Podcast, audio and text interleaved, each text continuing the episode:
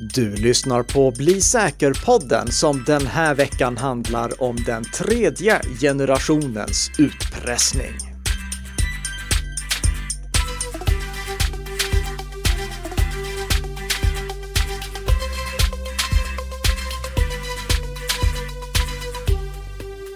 God morgon, god morgon Tess! God morgon, god morgon Nika och glad Kristi flygare. Eller säger man så?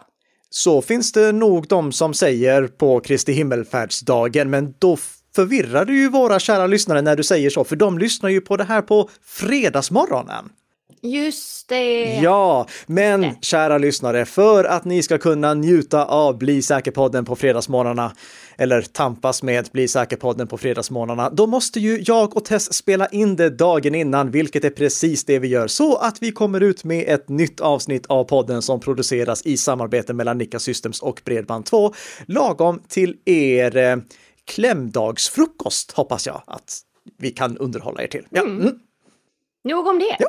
Innan vi kickar igång med veckans snabbisar så har vi fått lite feedback här från Peter angående Svenska Spel. Och han säger Angående det ni pratat om i podden om appar och nedladdning enbart från till exempel Google Play så kan inte Svenska Spels Android-app laddas ner därifrån utan måste installeras från en annan källa. Detta eftersom Google Play tydligen inte tillåter den typen av spelappar. Det här eh, var jag inte medveten om. Men när jag kollar på Svenska Spels webbplats, då står det mycket riktigt så. Det står så här. För närvarande tillåter inte Google Play Store appar som erbjuder spel om pengar. Därför behöver du tillåta installation av appar från okända källor för att kunna ladda ner och använda Svenska Spels appar i din Android-telefon eller surfplatta. Det här gör ju vår rekommendation väldigt komplicerad. Mm, så ja. Eh, först och främst tack, för, eh, tack så mycket för den feedbacken Peter. Jag var som sagt inte medveten om det, så jag uppskattar när våra lyssnare kommer med den här typen av feedback. Och jag ska reflektera över vad det egentligen innebär. Eh, jag vet faktiskt inte hur vi löser det på bästa möjliga sätt. Och det, det är ju lite det, det, det, är ju lite problematiskt att just appar som har med spel om pengar att göra, alltså någonting som faktiskt är kopplat till pengar, är de apparna som inte går att installera via Google Play utan via osäkra källor. Ja, faktiskt. Men ehm, ja, mm. jag, jag ska reflektera över det jag har inget mm. bra svar på det, men jag, jag, förstår att då finns det situationer då eh, faktiskt användare behöver installera appar från andra källor än Google Play. Ja. Låt oss köra igång med veckans snabbisar och först och främst så, eh, ja, vi kanske inte firar Kristi himmelfärdsdag i den här podden, men vi firar definitivt patch-tisdag. Det gör vi. Ja. Det gör vi definitivt. Vad har hänt? Jo, Microsoft, de har åtgärdat 55 stycken sårbarheter, lite färre än eh, vanligt. Fyra ja. av dem var kritiska, också lite färre än vanligt. Bleeping Computer mm. rapporterar att det var tre stycken sårbarheter som redan var kända, men lyckligtvis inte några kända attacker som utnyttjade dem än. Men det okay. betyder ju inte att man ska ligga på latsidan utan installera de här säkerhetsuppdateringarna snarast möjligt. Värt att nämna här också, det är att eh, den här patch-tisdagen, det var sista gången som Microsoft uppdaterade version 1909 av eh, Windows 10. Så mm. ifall mm. någon dator är kvar på det, förutom Enterprise-versionen, så se till att uppgradera till en modernare version. Alla underhållna versioner finns eh, i en länkad artikel i våra show notes. Sen upptäckte jag en intressant sak. Yes, det är att eh, Microsoft, de slutade ju rent officiellt att underhålla Office 2010 i oktober, vilket vi gjorde ett dedikerat avsnitt om som hette Situation Office. Mm.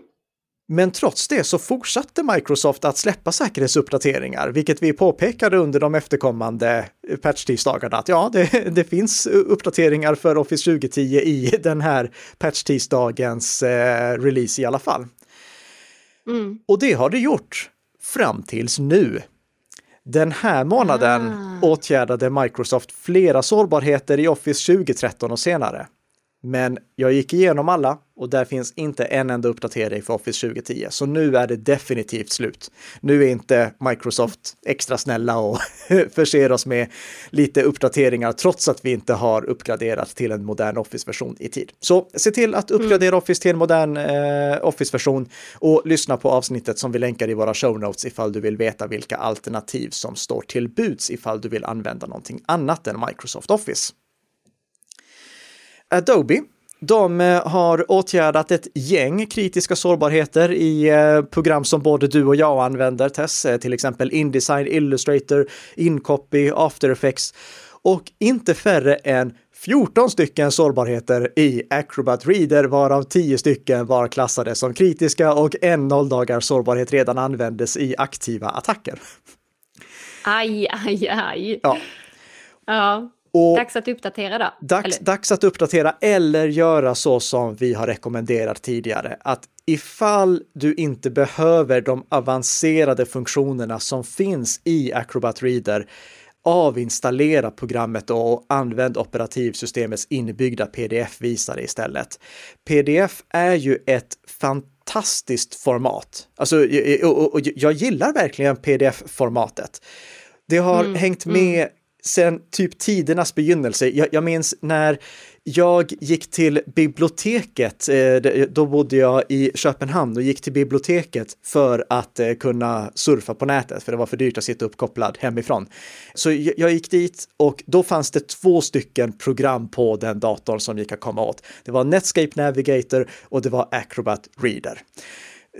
Mm. Så det är ett format och ett ett eh, program som har hängt med jättelänge. Men jag skulle säga att Acrobat Reader har med tiden blivit lite för kompetent för sitt eget bästa.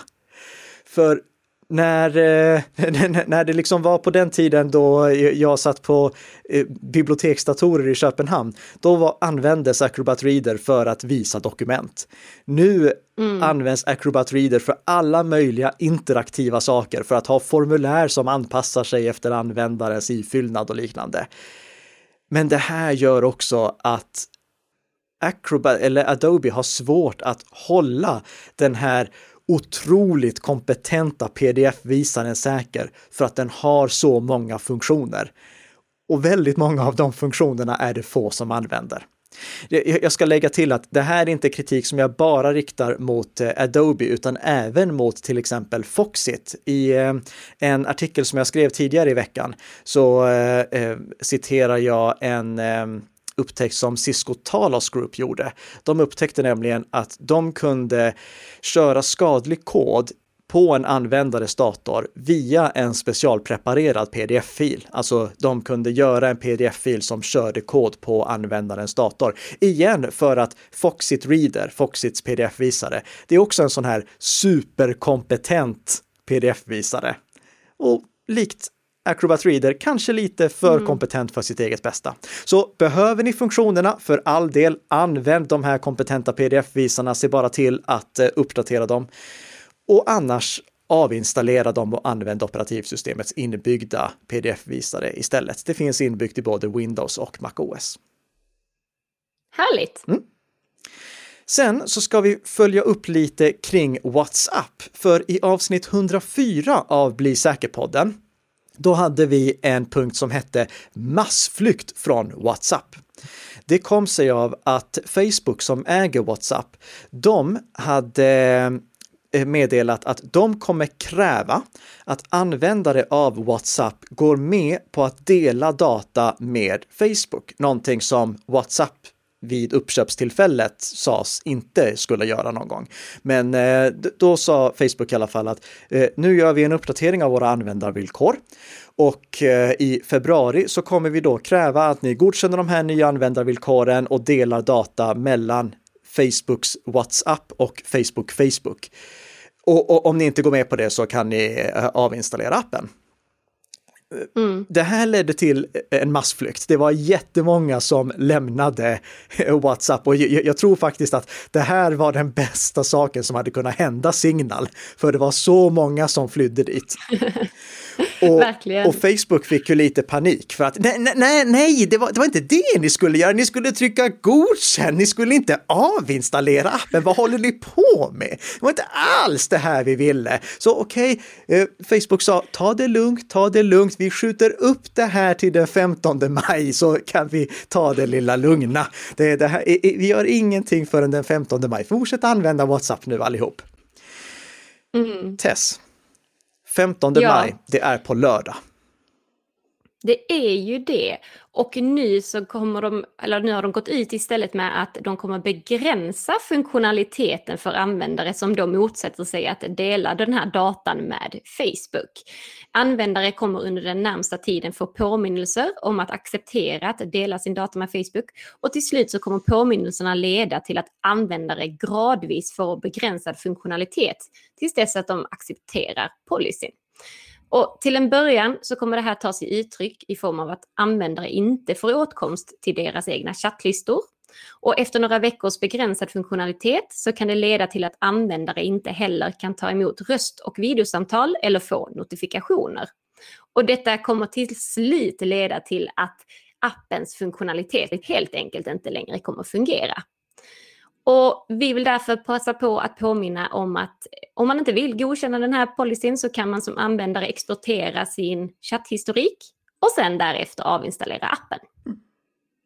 Och mm. vi lägger med en länk till hur det görs eh, i våra show notes. Så Ifall, ja. ifall man tycker att eh, ja, det här är helt okej, okay, då är det bara att godkänna de nya villkoren. Om man inte tycker det är okej, okay, då är det bara att eh, exportera sin historik, avsluta kontot och börja använda till exempel Signal istället. Eh, mm. Jag eh, såg i samband med förra gången det här var på tapeten att eh, medier skrev att Facebook skulle få åtkomst till ens meddelanden. Jag vill bara poängtera att så är inte fallet. Facebook kommer inte få åtkomst till innehållet i meddelanden som användare skickar till och från varandra. Utan det här handlar om att eh, Facebook ska ha tillgång till information om användaren för att till exempel kunna göra WhatsApp bättre för butiker som vill sälja saker via WhatsApp. Så mm. det, det, är inte innehållet i eh, meddelanden som kommer hamna i Facebooks händer. Det behöver ni inte vara oroliga för. Med det sagt så har jag lämnat WhatsApp. Ja, Okej Nicka, mm. är det dags nu? Veckans huvudämne, mitt favoritämne, ja, utpressning. Precis. Ja. Vi har pratat om utpressning många gånger tidigare i den här podden. Nu tänkte jag vi skulle prata om hur det har förändrats igen. För att utpressning har vi levt med länge, men vi ser att utpressningsattackerna, de tar sig nya former. Och nu tycker jag att det har förändrats så pass mycket att jag skulle vilja säga att vi är framme vid utpressning 3.0. Wow, mm. okej. Okay. Uh vi, vi, kan egentligen ta lite historik och vi, vi, blickar tillbaka till första generationens utpressning och nu pratar vi alltså uteslutande digital utpressning. Vi pratar inte om någonting annat.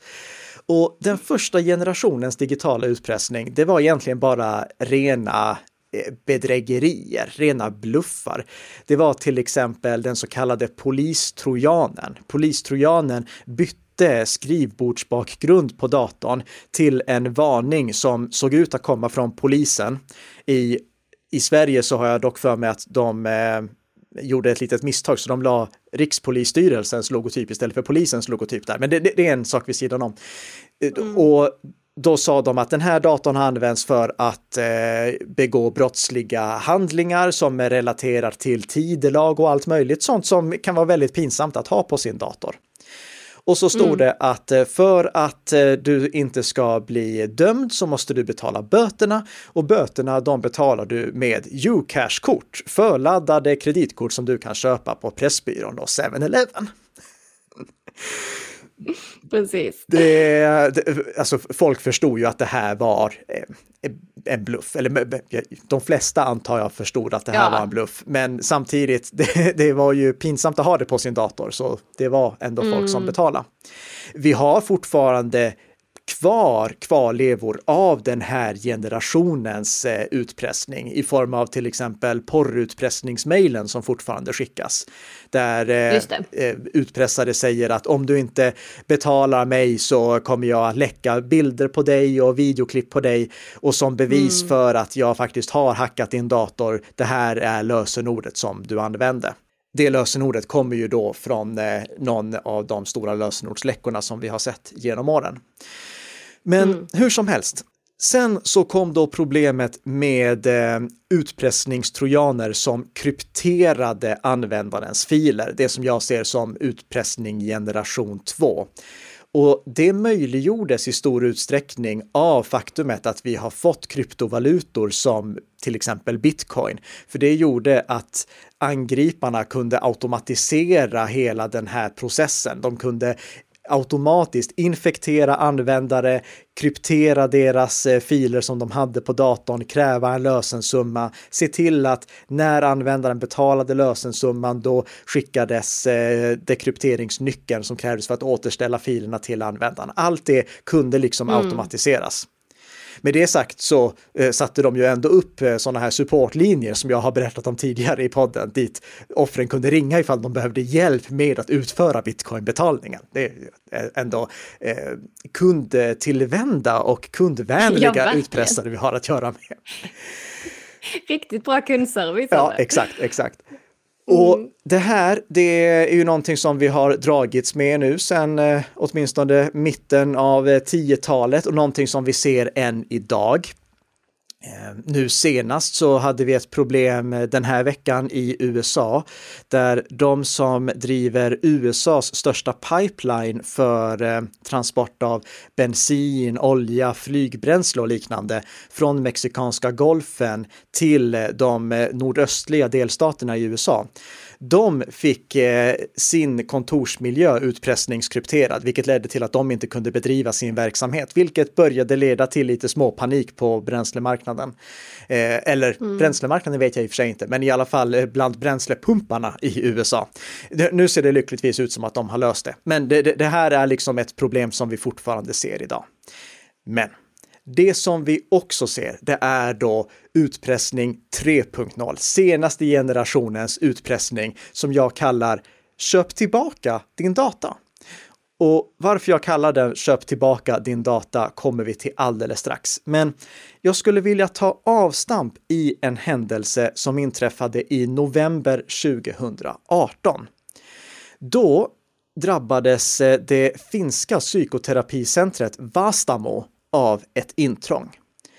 Och det angriparna mm. lyckades göra, det var att komma över kunddata.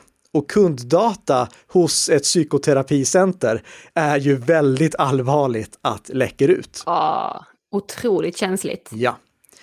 Den mm. 21 oktober i fjol, då berättade Vastamo om den här attacken och de berättade att de hade blivit krävda en lösensumma på 40 bitcoin för att angriparna inte skulle publicera den här informationen på nätet.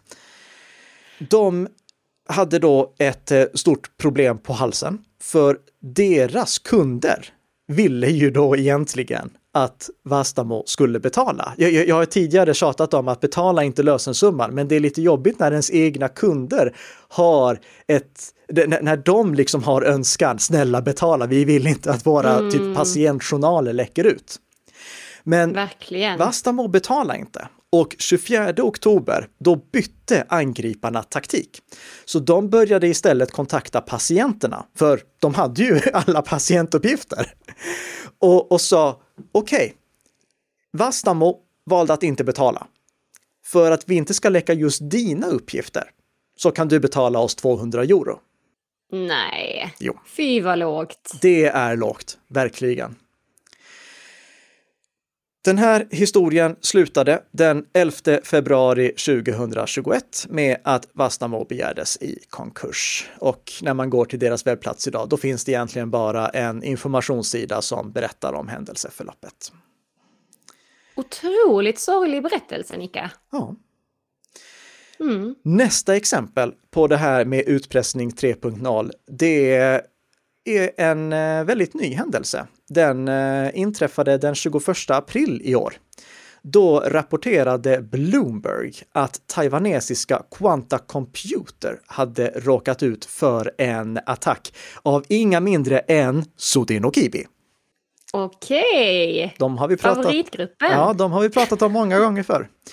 Quanta Verkligen. Computer är kanske inte något namn som klingar så bekant för alla lyssnare. Men eh, om vi säger som så här, Quanta Computer är de som tillverkar eller bygger ihop Apples datorer. Aha. Apple, eh, de eh, bygger ju inte sina egna datorer och eh, mobiltelefoner, utan datorerna de görs av Quanta Computer, mobiltelefonerna de görs av Foxconn. Så här har vi då alltså en attack som har skett mot en av ett av de företagen som Apple anlitar för tillverkning. Och för att man ska kunna tillverka saker åt Apple, då behöver man ritningar. Det som Sodinokibi hade gjort, det var att de hade stulit Apples ritningar av Quanta. Som bevis på det, då läckte de inför att Apple skulle ha sin presentation som de hade nu här veckan där de presenterade bland annat iMacen och AirTagsen som vi pratade om förra veckan. Då, då publicerade de 15 bilder som visade insidan av en ny Macbook. Det här var alltså inte någonting som eh, visades på det här Apple-eventet, utan eh, Sodino Kibi ville liksom bara visa att vi har information om vad som komma skall från er på Apple. Och Apple är ju väldigt hemlighetsfulla, så de uppskattar inte att eh, någon läcker ritningarna till deras kommande Macbook. Sodino Kibi skrev så här till eh, Apple. In order not to wait for the upcoming Apple presentations, today we, the Reval Group, det är så de kallar sig själva, will provide data on the upcoming releases of the company beloved by so many. Tim Cook can say thank you to Quanta. Quanta has made it clear to us that it does not care about data of its customers and employees, thereby allowing the publication of all data we have. We recommend that Apple buy back the available data by May 1st. Oh. Jag har kortat ner citatet lite. Ni kan läsa det hela och fullständiga citatet hos eh, Recorded Future, säkerhetsföretaget som har gjort en bra rapportering kring det här och som jag hittade den här, eh, det, det här citatet hos. Mm. Så vad händer nu då? Ja, det, det började då med att eh, Quanta och Apple krävdes på 50 miljoner dollar som skulle betalas senast första maj. Enligt eh, lite information som har läckt ut så eh, erbjöd Sodino Kiwi en bra rabatt ifall Apple bara liksom tog kontakt med dem. Så det, Apple kunde få en deal på mindre än 50 miljoner dollar ifall de bara tog upp kontakten med Sodino Kiwi. Oh, ja. Så Dinokibi har nu plockat bort den här informationen och det kan egentligen bara betyda två saker. Antingen så har eh, Apple eller Quanta betalat eller så pågår fortfarande förhandlingar. Vilket av det, det vet vi inte. Oh. Nej. Men det här är igen ett exempel på problemet när angriparna försöker att bara stjäla data och sen hota i det här fallet kunden Apple att eh, om inte de som ni anlitade betalar eller ni betalar så kommer vi att läcka det här. Då, då ligger det ju, alltså, då, då är det ju på något sätt i Apples intresse att Quanta ska betala. Ja, datan har blivit så pass värdefull nu alltså. ja, Det är otroligt. Mm. För att ta ett tredje exempel så kan vi kolla på vad som hände i slutet av förra månaden. Då drabbades Metropolitan Police i USA av en utpressningsattack från Babook Locker. Vi, vi har inte nämnt dem eh, tidigare i den här podden, men de attackerade i alla fall då eh, Metropolitan Police eller DC Police och lyckades enligt Bleeping Computer komma över 250 gigabyte av okrypterad data, inklusive information om pågående operationer, utredningsrapporter och filer relaterade till gängmedlemmar. Oj, oj, oj. Ja. Och precis som tidigare så, eh, så sa de att eh, ni får köpa tillbaka den här informationen ifall ni inte vill att vi läcker den. Och det här är ju superallvarligt ifall det skulle komma ut. Och nu ligger det då plötsligt i allmänhetens intresse att polisen betalar. Verkligen. Och tänk dig vilka konsekvenser det här kan få ifall det här skulle liksom börja användas för att attackera fler myndigheter. Alltså att myndigheterna mm. inte bara inte kan jobba under några dagar eftersom deras nätverk och deras datorer är utpressningskrypterade, utan att liksom angriparna lägger mer fokus på att stjäla information och hota med att läcka den jämfört med att bara utpressningskryptera den. Mm, verkligen. Ja, ja, det här blir spännande att följa i alla fall och se var, vad beslutet landar i ja. för polisen.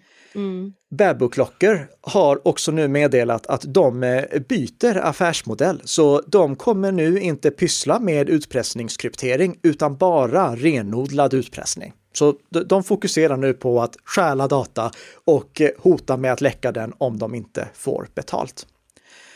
Mm-hmm. Och det här är då det som jag ser som att nu har vi kommit till den tredje generationen. Vi har ju sett att det har blivit mer och mer tendenser till det som vi kallade double extortion, att både utpressningskryptera och hota med att läcka. Men det, det känns som ja. att nu börjar angriparna tycka att äh, det är inte lönt att vi utpressningskrypterar, för att det, alltså, det, det som vi tjänar pengar på, det är ändå det här hotet om att läcka. Det är där mm. som pengarna börjar finnas. Och det är väldigt jobbigt att höra för oss i it-säkerhetsbranschen. För jag sa ju för några år sedan att det enda som skyddar mot utpressningstrojaner är backup. Mm. Backup skyddar inte mot utpressning 3.0. Nej. Och vi har tidigare oh. tipsat om eh, sajten No More Ransom som vi fortfarande rekommenderar. Men mm. den hjälper ju bara till att låsa upp dåligt utpressningskrypterade filer eller utpressningskrypterade filer där utpressarna ger nyckeln till någon och den nyckeln går att använda till flera offer. Men det, mm. men det här, alltså det finns ingenting som skyddar. Det, det, det, det går liksom inte att... Eh, det, det, som vi kommer tillbaka till här, det är att vi behöver stärka it-säkerheten överlag. Vi måste göra mer för att göra det omöjligt för angripare att komma över den här informationen. Det finns inte några enkla patentlösningar som skyddar mot utpressning 3.0. Nej. Ja, nej, det, det, var, det blev ett lite tungt slut här, eh, Nicka. Ja. Ja, men, vi får eh, följa utvecklingen i alla fall. Det, det, får vi göra. Så gör vi som så här, vi avslutar på en rolig ton med veckans lyssnarfråga.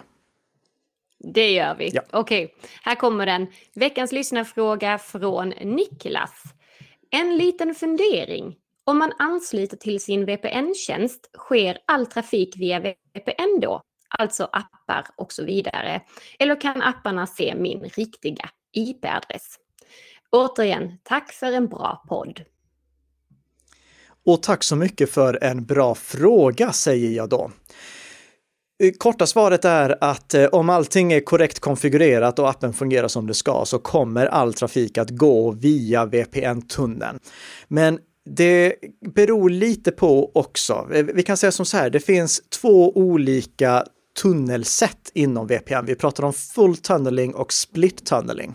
Och det här är egentligen termer som framförallt används när VPN nyttjas för att komma åt kontorsnätverk när eh, du nu jobbar hemifrån Tess, då ansluter du ju via VPN till kontoret för att kunna komma åt kontorsresurser. Och beroende Precis. på hur din VPN-klient på datorn är konfigurerad så kan den antingen vara i full tunneling-läge eller split tunneling-läge. Full tunneling-läge innebär att all trafik från alla appar på din dator skickas via tunneln och då också surfar ut via kontorets IP-adress. Split tunneling används ifall eh, kontorets VPN-server inte är dimensionerad för att kunna ta hand om all trafik. Så då skickas bara delar av trafiken till kontoret och går ut via kontorets eh, brandvägg. Medans Mm. Vanlig surftrafik till exempel går ut via din vanliga uppkoppling utan att tunnlas via VPNen. Det här finns det också stöd för att konfigurera i vis, vissa VPN-tjänster för att användaren ska kunna välja om alla appar och all trafik ska gå via VPN-tunneln eller ifall viss trafik ska gå direkt ut på internet. Om vi tar Mullvad som exempel, som är den eh, rekommenderade VPN-tjänsten av oss på Nika Systems, då är den eh, alltid i fulltunneling-läge som standard. Men på Android och på Linux kan du välja att aktivera split tunneling så att du kan plocka bort appar från att gå via den här VPN-tunneln så att de går direkt ut på internet. Det finns det inte stöd för i eh, de andra klienterna än så länge. Det är bara Android-klienten och Linux-klienten som har det här stödet för närvarande. Men det kanske kommer till fler klienter med tiden. Eh, Jag kan tillägga att om man använder en eh, VPN-tjänst som Mullvad eller någon annan VPN-tjänst med OpenVPN, alltså OpenVPN-appen på Windows eller Tunnelblink-appen på MacOS, då kan du aktiverar split tunneling själv. Det är lite komplicerat, men det går. Mm. Så för att svara på frågan, standard är att all trafik går via din eh, VPN-tunnel om VPN-appen är korrekt konfigurerad. Och sen finns det möjlighet att göra undantag i vissa VPN-appar ifall du skulle vilja göra det.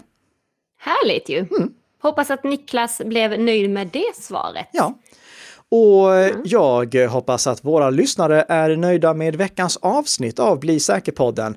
Ni får jättegärna ställa följdfrågor i kommentarsfältet om ni skulle ha några sådana. Ni får jättegärna lämna en recension på den här podden på Apple Podcast om ni känner för det. Och sen så får ni slutligen också jättegärna prenumerera på den här podden för att då är jag och Tess tillbaka redan nästa vecka med ett nytt avsnitt av Bli säker-podden som gör dig lite säkrare för varje vecka som går. Trevlig helg! Trevlig helg!